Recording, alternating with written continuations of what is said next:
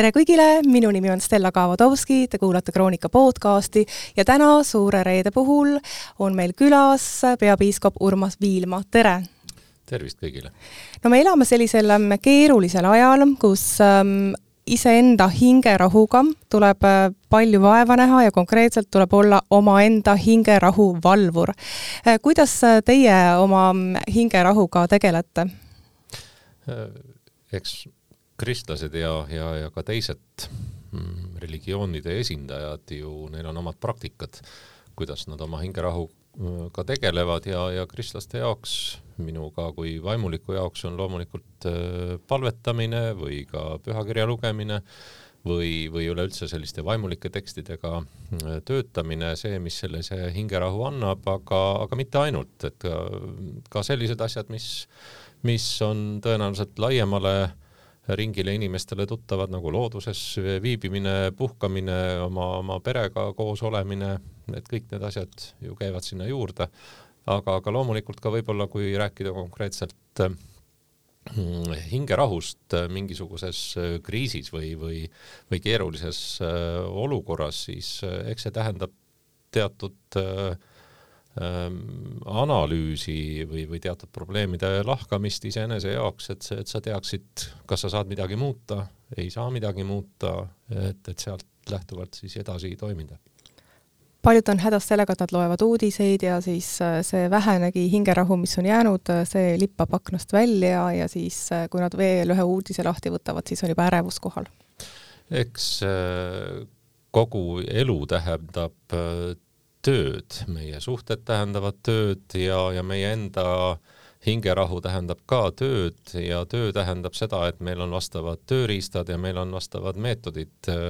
ja, ja kui me ainult jätaksime ennast sellise meediavoo äh, hoole alla, äh, siis see on, see on äh, selline passiivne tarbimine või ainult selline käsnana imemine, aga, aga päris niimoodi terveks tõenäoliselt hing väga kauaks ei jää või, või, või või niimoodi me elada lõpuni ei saa, me peame ikkagi selekteerima, me peame valima, meil peavad olema need tööriistad, kuidas me toimime. mille alusel teie ise valite, et kuidas teie päev näiteks algab? Noh, eks äh,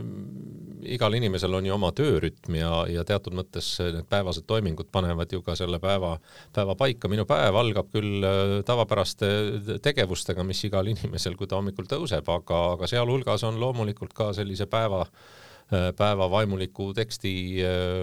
lugemine enese jaoks on olemas siis samamoodi nagu ma ütlesin siin tööriistad, meil on ju ka äh, erinevad äh, võimalikud viisid, kuidas ja kustkohast neid tekste lugeda, miks just konkreetseid piiblitekste või palveid et see käib asja juurde, loomulikult äh, ka mina äh, teen oma hommikukohvi ja sinna juurde vaatan ka värskemad uudised ja, ja, ja teinekord ka juba emailid, mis on tulnud, nii et, et valmistada ette ennast päevaks. ma mäletan, kui ma olin noorem ja mul oli mõni mure, siis ma lõin piibli sellisest ühest suvalisest kohast lahti, siis ma nagu vaatasin, et, et mis mulle selle koha peale, mis mul on, mis on nii-öelda minu jaoks valmis pandud ja siis ma lugesin ja siis ma leidsin sealt lohutust. See on kindlasti väga-väga hea viis niimoodi toimida, aga, aga me ei saa päris alati lõpuni kindlad olla, et see koht, mis avaneb, meile annab just parasjagu sellise, sellised sõnumi, mis, mis sel päeval tingimata on kasutatav, noh, on ka selliseid kirjakohti, kus on lehekülgede viisi eluloo äh, nii-öelda elupuid kirja pandud inimeste järg-, põlvnemine, noh, sealt küllap leiab igaüks midagi. aga põhimõtteliselt võiks toimida iga positiivne tekst ju niimoodi, et, et äh, selle koha pealt võib-olla selline sõjauudistega päeva alustamine võib-olla selle, selles osas peaks pigem inimesi hoiatame, ärge siis alustage selliste negatiivsete uudistega. samas me tahame olla kursis, kui kaugel asjad on äh, esimestel mm, sõjapäevadel, noh, igal hommikul ka mina avasin silmad ja mõtlesin, et, et kas juba on, on juhtunud midagi hullemat kui, kui eelmisel õhtul magama minnes. Õnneks on siiamaani läinud kenasti, et, et äh, ei ole kõige hullemaid asju juhtunud või ütleme siis nii, et Ukraina on endiselt iseseisev ja, ja, ja võitleb enda vabaduse eest no täna me lindistame seda siis kolmeteistkümnendal aprillil ja täna siis just ka Riigikogule rääkis siis Ukraina president Zelenskõi siis tegi pöördumise, et kus ta siis kiitis Balti riike, aga samal ajal ka hoiatas meid, et kuidas on, kas te mõtlete selliste mõtetega, et tahes-tahtmata siin osad inimesed räägivad, et nendel on kott pakitud juhuks, kui tuleks ära minna, et ja, ja teised, teised niimoodi võtavad seda rahulikumalt, seda olukorda? ma pean küll aus olema ja ütlema, et mul ei ole kotti pakitud, mitte et seda ei peaks tegema, et kellel on see tehtud, ma arvan, te olete tublid, tublid olnud. minul ei ole sellist äh, kotti pakitud, äh, ma tean küll sahtlit, kust ma haaran oma dokumendid, kui peaks selline hetk olema. aga, aga ma ju tean, et, et ega me Äh, lõpuni põgeneda niimoodi hoobilt ei, ei, ei saa. Äh, me peame olema valmis siiski haarama kaasa need asjad, mis, mis on kõige olulisemad ja, ja nende asukohta enamasti me kõik teame, aga mul ei ole kotti pakitud, ehk siis ma ei valmista kuhugi minekuks, sest mul on tunne, et ma pigem pean äh, jääma, kui, kui midagi sellist hullu juhtub nagu Ukrainas praegu. et kõige hullema korral teie oleksite mees, kes jääb Eestisse? Ma ei näe nagu väga palju äh, võimalusi, aga ma ei saa ka öelda, et, et, et, et see on kõige, äh, me, me, me peame nagu mõtlema, et üks asi on, on, on aated ja teine asi on, on mõistlikkus. et äh, eestlased, kes olid sunnitud samamoodi sõja eest põgenema neljakümne neljandal aastal, me ei saa neid kuidagi hukka mõista olid need, kes läksid ja, ja päästsid ja säilitasid Eesti iseseisvuse eksiilis tänu sellele, et nad said põgenema või väga palju väärtuslikku äh, sai, sai päästetud nende inimeste kaudu, palju sellist vaimupärandit sai päästetud ehk siis äh, ühel momendil tuleb teha üks otsus ja järgmisel momendil teine otsus. ka, ka neljakümne neljandal aastal kirikuliidrid, kaasa arvatud piiskop, äh, põgenesid ja tänu sellele loodi eksiilis äh, Välis-Eesti kirik, mis, mille kogudused täna veel eksisteerivad, nii et me ei saa öelda, et üks otsus on äh, on äh, õige igas situatsioonis. täna me võime arvata nii, aga olukord sunnib teises situatsioonis tegema teised otsused ja, ja ma arvan, see vabadus peaks jääma kõigile ajad on iseenesest äh, ka selle võrra keerulised, et äh, Eesti on äh, justkui rohkem lõhestunud kui varem ja mulle tundub, et selles on süüdi koroona, et kui selline esimene koroonalaine liitis meid, siis pärast teist lainet tulid maskivastased, maski pooldajad, siis need, kes rääkisid igasuguseid erinevaid teooriaid seoses vaktsineerimisega ja teised, kes siis loomulikult lasid ennast vaktsineerida kuidas, ähm, kuidas teile tundub, kas äh, me, kas me saame Eesti uuesti ühte jalga kõndima? Äh, mul on tunne, et, et Eestit on seesama Ukraina sõda jällegi teistpidi uuesti kokku toonud ja ja see on alati nii, et mida paremaks elu läheb, seda rohkem hakatakse tülitsema asjade üle, mis ei ole üldse kõige olulisemad. et tõenäoliselt on see selline äh, viis inimestel ennast siis, eh, mm, ma ei taha öelda lõbustada, aga, aga leida siis oma ellu seda särtsu, mis, mis sellises mugavas ja heaoluühiskonnas muidu hakkab ära minema. nüüd on, on meil Ukraina sõda ja, ja nähes, mismoodi kogu Eesti rahvas on, on eh, koondanud ennast Ukrainas ja aitama on minu meelest nagu Eesti rahva kokku toonud. samas me näeme jälle ka teistpidi juba, juba hakkab kostuma noh, sõnumeid, et, et me, et kõik ei olegi need, kes on abivajajad ja kõik ei vaja abi ja, ja kas need, kellele me teeme teatud soodustusi, kas need inimesed saavad seda kellegi arvelt ja, ja tegelikult neid, kes tahavad leida siit nüüd äh, üles neid kohti, kus, kus see lõhestumine jälle võib peale hakata Äh, neid on ja, ja samas on, ma arvan, ei ole, ei ole maailmas ühiskonda, kus äh, selline lõhestumine puudub. Äh, ja see on inimloomuse pärane, et kui me läheme ikkagi piibli esimeste lugudeni, siis me näeme, et see algas ikkagi juba paradiisi aiast peale, et, et see on, see on see patt meis, mille vastu me peame teadlikult töötama ja ja kui me seda ei tee, siis, siis me olemegi katki. no kui ma vaatan, Ukraina sõbrad Eestis on selline Facebooki kogukond, siis seal on lihtsalt nii palju lahkeid Eesti inimesi, et, et kui sa, kui, kui vahel kahtled, et kas see eestlase süda on ikka selline kivist, siis kui, kui seda lahti võtta, vaadata, kuidas inimesed pakuvad ja on toeks, siis, siis need meele, meeleliigutuspisarad ei ole kaugel jah, sellepärast et teisi aidates me ei aita mitte ainult teisi, vaid me aitame ka iseennast, ehk siis me oleme ka ise paremad ja ja, ja siin on ka ju neid, kes on öelnud, et noh, et meie abi võidakse noh, näiteks kuritarvitada, et, et noh, see on seesama, et kui sa nüüd annetad kerjusele, kes küsib sult leivaraha, aga läheb selle eest hoopis noh, ma ei tea, kasiinosse näiteks, siis et kas ma peaksin ennast süüdistama, et ma tahtsin inimest aidata, et, et ma arvan, et ma ei saa ennast süüdistada, et kui tema kasutab seda kuidagi kuritegelikult või, või mitte sihtotstarbeliselt, see on juba tema probleem. mina ikkagi andes aitan ikkagi ka iseennast, ehk siis mina olen, olen äh, ma saan kinnituse, et ma, ma veel olen inimene, kellel ei ole süda kivist. Kuidas, kas teie perekond on ka kuidagi ähm, ukrainlasi aidanud, äh, pannud äh, pakid kokku, äh, viinud midagi kodust eest ära, minu abikaasa oli näiteks väga-väga õnnelik ja ma ei ole nii ammu kuulnud, et ta ütles mulle iga asja peale jaa, kui ma näitasin, et kas me viime selle mantli ära, kas me viime selle mantli ära, tal oli nii hea meel, sest et praktiliselt garderoob läks tühjaks ja lõpuks ometi oli kodus kauaoodatud ruum jah, kuna, kuna äh, kirik on, on Ukraina äh, kirikut samamoodi toetanud, siis, siis oleme me osalenud nii-öelda kiriku aktsioonides Ukraina inimeste aitamisel ja samamoodi minu abikaasa on on Toomkooli direktor, kus samamoodi on, on kutsutud üles ka õpilasi, õpetajaid siis Ukraina kultuurikeskusele ja, ja, ja hiljem ka Punasele Ristile oma, oma sellised abipakid äh, kokku koguma ja kuna me oleme ise olnud ühest küljest nagu algatajad, siis me oleme ka ise nendega kaasas olnud. Äh, ja, ja tänagi, kui oli juttu, et me siin äh, siis salvestame seda saadet, on, on kolmapäevane päev, siis toimus Toomkirikus koostöös Ukraina Kultuurikeskusega siis laste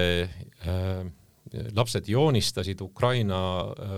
rahu kohta või Ukraina äh, loodetud rahu kohta pilte, mis siis lähevad hiljem Ukraina Kultuurikeskuses käsitsi valmistatud raamatusse või siis sinna kabelisse üles. ehk siis me oleme äh, perega kaasas nende, nende, nendes ettevõtmistes, kus, kus me siis kas siis Tallinna Toomkoolis, kus mu abikaasa töötab äh, või, või ka Luteri kirikus, kus, kus ma ise olen ametis me oleme nagu kõigi nende aktsioonidega kaasas ja loomulikult äh, palvetame, meil on ikkagi äh, ka Tallinnas ja, ja mujalgi Eestis iga päev palvetatakse Ukraina rahu pärast. igal kolmapäeval on, on helistatud äh, kelli minu üleskutse alusel, et mälestada neid, kes on, on surnud ja, ja hukka saanud, nii et, et me mõtleme ka kogu aeg ja see, see, et keegi positiivselt mõtleb, see, et keegi palvetab, on on asi, mis, mis mõjub niimoodi, et me ei pruugi seda aru saada, aga ma arvan, et kõik on olnud meelitatud, kui keegi on talle öelnud, et tead, ma mõtlesin sinu peale eile või, või, või noh,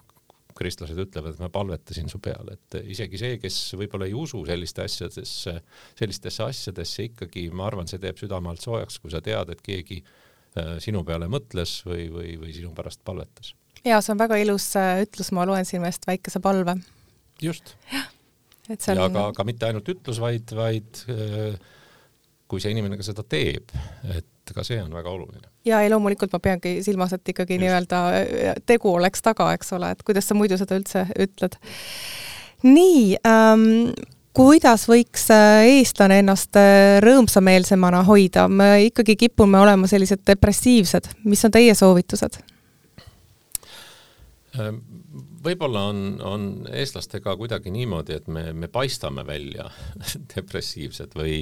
või arvame, et me seda oleme, ma arvan, et oma tõsidus on, on teistel rahvastel ka, võib-olla me oleme isegi ausamad lihtsalt oma,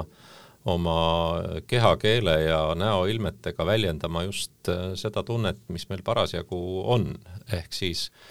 äh, mulle meeldib see, see siiski see eestlaste ausus ja ka otsekohesus äh,. rääkida asjadest nii, nagu nad on ja, ja mitte niivõrd äh, nii-öelda halva asja juures hea näo, äh, head nägu teha, sest kui me tahame teisi inimesi ka toetada, neid aidata, on meil väga oluline, et me saame ka äh, selle sõnumi teiselt äh, kasvõi loeme tema, tema näoilmest selle välja. nii et kuidas, kuidas eestlased saaks olla rõõmsamad, ma tegelikult väga ei muretseks meie, meie mm, äh, siis eestlaste meelelaadi äh, pärast äh, jah, eks see kliima on see, mis alati tuleb jutuks, kui, kui me oma, oma tujudest rääkima hakkame ja ma usun, et see kliima teatud mõttes ju, ju, ju mõjutab ka, aga, aga teisest küljest äh, kui me ise kiirgame teatud soojust, avatust, naeratust, siis me saame seda ka kohe vastu, see tähendab, et, et keegi ei keeldu meile vastu ka, ka head nägu näitamast ja, ja soojust pakkumast, ehk siis see on meis kogu aeg siiski olemas räägime natuke isikliku vastutuse teemast, et äh, kui ma näiteks äh, aeg-ajalt scroll in Facebooki või vaatan siit ja sealt, siis äh, tihti on nii, et süüdi on valitsus, süüdi on peaminister, süüdi on see, süüdi on teine. aga mida iga eestlane saaks teha ära omaenda riigi heaks ise? noh, siin on nüüd ju mitu tasandit, et kui me tahame valitsust vahetada, siis me peame valimistel õigele erakonnale või kandidaadile hääle andma. jaa, aga kohe ma ütlen, äh, et mulle tundub, et ükskõik, kes on äh, nii-öelda pukis, ta on ikka alati süüdi jah, aga ma arvan, et see, mm, see näitabki ju, et meil on demokraatia, ehk siis kui, kui saaks hääletada ja valida ainult ühe erakonna või ühe kandidaadi poolt ja kõik oleks temaga veel väga rahul, siis ma arvan, et oleks asjad väga, väga halvasti ja, ja tegelikkuses mitte, mitte tõele vastavad, et et äh, paratamatult, kui meil on demokraatia, kui meil on võimul üks valitsus, siis need, kes parasjagu äh, ei ole selle valitsuserakonda toetajad, nemad on need, kes kritiseerivad ja kui valitsus vahetub, on teistpidi.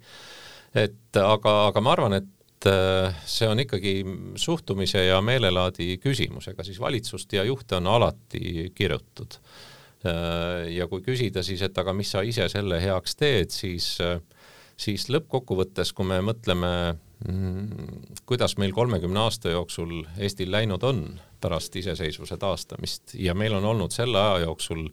väga erinevad äh, valitsused, väga erinevad koalitsioonid, äh, peaaegu kõik erakonnad on olnud äh, valitsemas ka, siis lõpp, lõppkokkuvõttes sellises suures pildis, kui nagu see, see, see see Eesti taasiseseisvumise järgne lugu panna niimoodi suurde pilti, siis meil on läinud ju väga-väga hästi. ehk siis põhjust nuriseda suures pildis ei ole ja ma arvan, et see ongi vaatenurga küsimus, et kui sa lähed väga lähedale millelegi, see on nagu suure pildi vaatamisega, et teinekord sa, sa pead minema äh, Äh, mõne kunstiteose jälgimiseks ja pildi saamiseks temast äh, distantsile, et sa üldse saaks aru, mis seal on. kui sa paned nina vastu, siis sa näed ainult seda lõuendi struktuuri ja, ja mingisuguseid värvipigmente seal, aga, aga sa ei näe seda pilti ennast ja, ja ma arvan, selle meie eluga on samamoodi. kui inimene tahab mm, nuriseda, siis ta leiab alati Äh, üles need, need põhjused äh, nurisemiseks, aga kui me tahame rahul olla, siis meil on küllaga põhjust olla tänulik ja, ja rahul. no kui meid kuulab praegu mõni selline elukutseline nuriseja, mis võiks olla sõnum temale? Äh, noh, inimesed vajavad teinekord ju, me enne rääkisime, et kuidas, kuidas ennast laadida ja, ja kuidas siis endaga toime tulla. Mm, mõni inimene tema teraapia viis on see, et ta lihtsalt nuriseb, aga selle, selle võrra võib-olla ta riidleb kodus äh, oma laste, naise ja mehega vähem, et võib-olla see on päris, päris hea, kui ta ennast välja, välja elab niimoodi sellisesse enamasti noh, sellisel pinnal, mis on piisav anonüümsusega, et me võime ju peaministrit või presidenti või ükskõik kedagi peapiiskopi kiruda, aga me teame, et ega see talle otseselt ju liiga ei tee, samas jääb võib-olla see liiga tegemine kodus ära, mis on ju iseenesest hea, nii et et ma ei taha öelda, et nurisege edasi, aga, aga ma ütlen võib-olla seda, et vaatame vaatame suurt pilti ja, ja, ja suures pildis see on tegelikult sellesama Ukraina sõjaga ka, et kui me paneme äh, Äh, ikkagi Ukraina kaardi täna meile iga õhtu uudistes näidatakse jälle, kuidas on Ukrainas sõda edasi läinud või ei ole läinud, siis äh, tegelikult äh, suurem osa Ukrainast on, on äh, vaba ja, ja sõjast puutumata füüsilises mõttes, loomulikult mõjutab see kõiki. ehk siis seal on see helgem külg ja, ja selline helgem külg on, on praktiliselt igas elusituatsioonis ja olukorras jah, et tuleb see ainult üles otsida ja, ja, ja selle poole oma fookus panna, eks ole. jah, aga see ongi nüüd seesama, et me peame teadlikult seda tegema kas me seda oskame, on iseküsimus, aga vahel meile meeldib ka kurb olla, vahel meeldib niimoodi äh, vihma sajab ja paned kurva muusika ja, ja kaminas äh, tuli põleb ja, ja, ja jood sooja teed ja natukene nukurtsed äh,. selleski on oma selline põhjamaine põhjamaine oma, oma romantika. jaa, ma olen täiesti nõus, sellepärast et vahel on tõesti täitsa tore kurb olla, aga, aga tuleb vaadata, et sellest ei saa sellist harjumust just, just, et kurbus võib olla väga-väga ilus. meie mm, saade läheb siis eetrisse suurel reedel, milline näeb suur reede teie jaoks välja? Äh, suur reede on Kristuse ristilöömise päev, mis, äh, mis noh, kristlaste jaoks, kes siis igapäevaselt sellises kristliku elurütmis hingavad, äh, tähendab see, see päeva, kui, kui Jumala poeg risti löödi, ehk siis Jeesus risti löödi aga ka seal on see oma helgus, ehk siis tegelikult ristilöömisega ja Jeesuse hauda panekuga ei lõppenud kogu lugu, vaid, vaid see oli ainult üks, üks äh, etapp, mis läks üles, üle ju, ju kolme päeva pärast ülestõusmisse ja, ja rõõmu. Ja minu suur reede äh, koosnebki sellest, et äh, hommikul on jumalateenistus Viimsi kirikus mis, mis kantakse ka ERR-is üle ja, ja seejärel on äh, Suure Ristitee näituse avamine Viimsi kirikus, nimelt olen ma koos Reti Saksaga valmis teinud ühe raamatu, millele mina kirjutasin mõtisklused ja palved, just nimelt Suure Reede temaatiline ja, ja kunstnik Reti Saks tegi illustratsioonid ja, ja, ja see näitus avatakse Viimsi kirikus nüüd reedel. Ja seejärel on suur reede ristikäik, mis algab Tallinna Jaani kirikust ja kestab paar tundi, me käime Tallinna mitmed kirikud vanalinnas läbi ja jõuame lõpuks toomkirikusse, ehk siis me keskendume suure reede põhisõnumile, milleks ongi Kristuse risti löömine, aga mitte sellele, et, et kui, kui kole on see, et Kristus löödi risti, jah, ta näitab seda inimese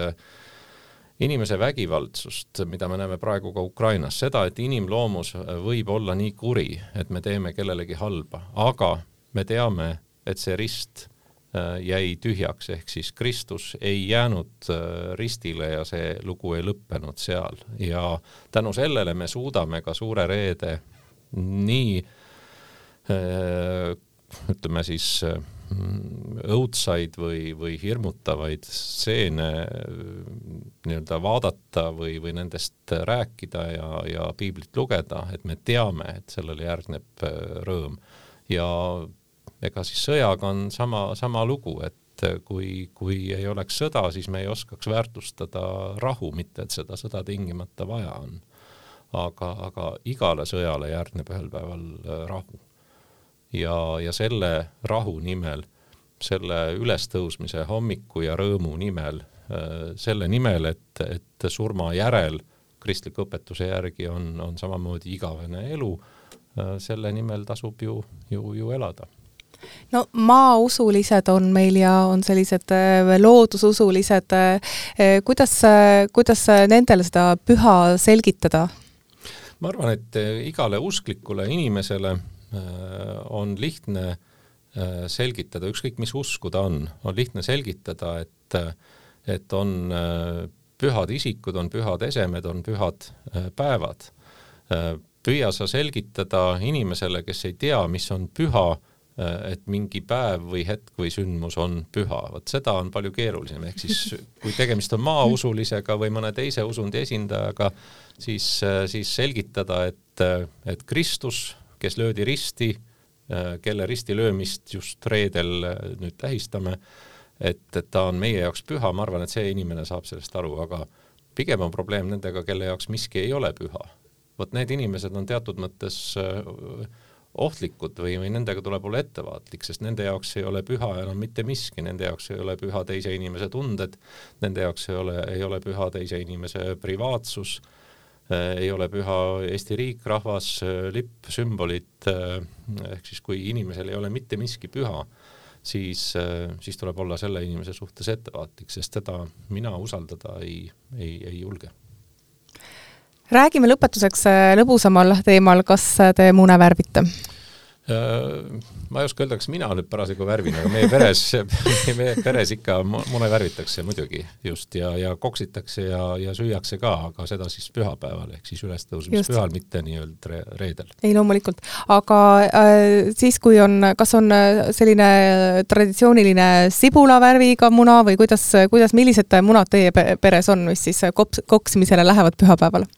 Äh, nii ja naa, kuna me pühapäeval perega, äh, kõigepealt on meil jumalateenistus Toomkirikus, kus me osaleme, äh, aga seejärel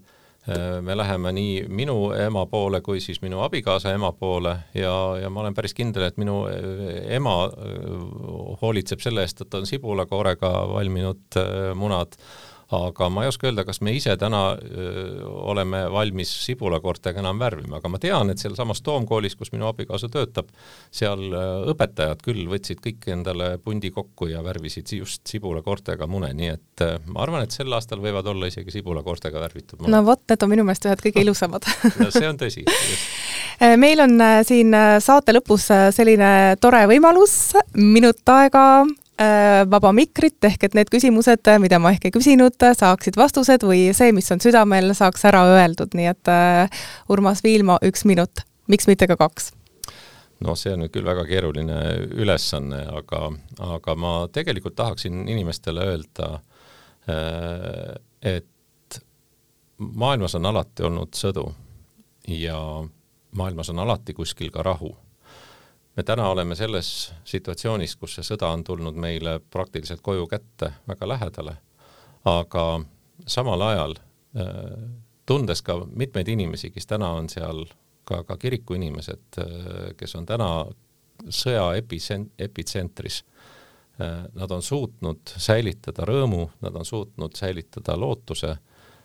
ja see on võimalik ainult läbi selle, kui me üksteist toetame ja armastame ükskõik, mis toimub meie ümber,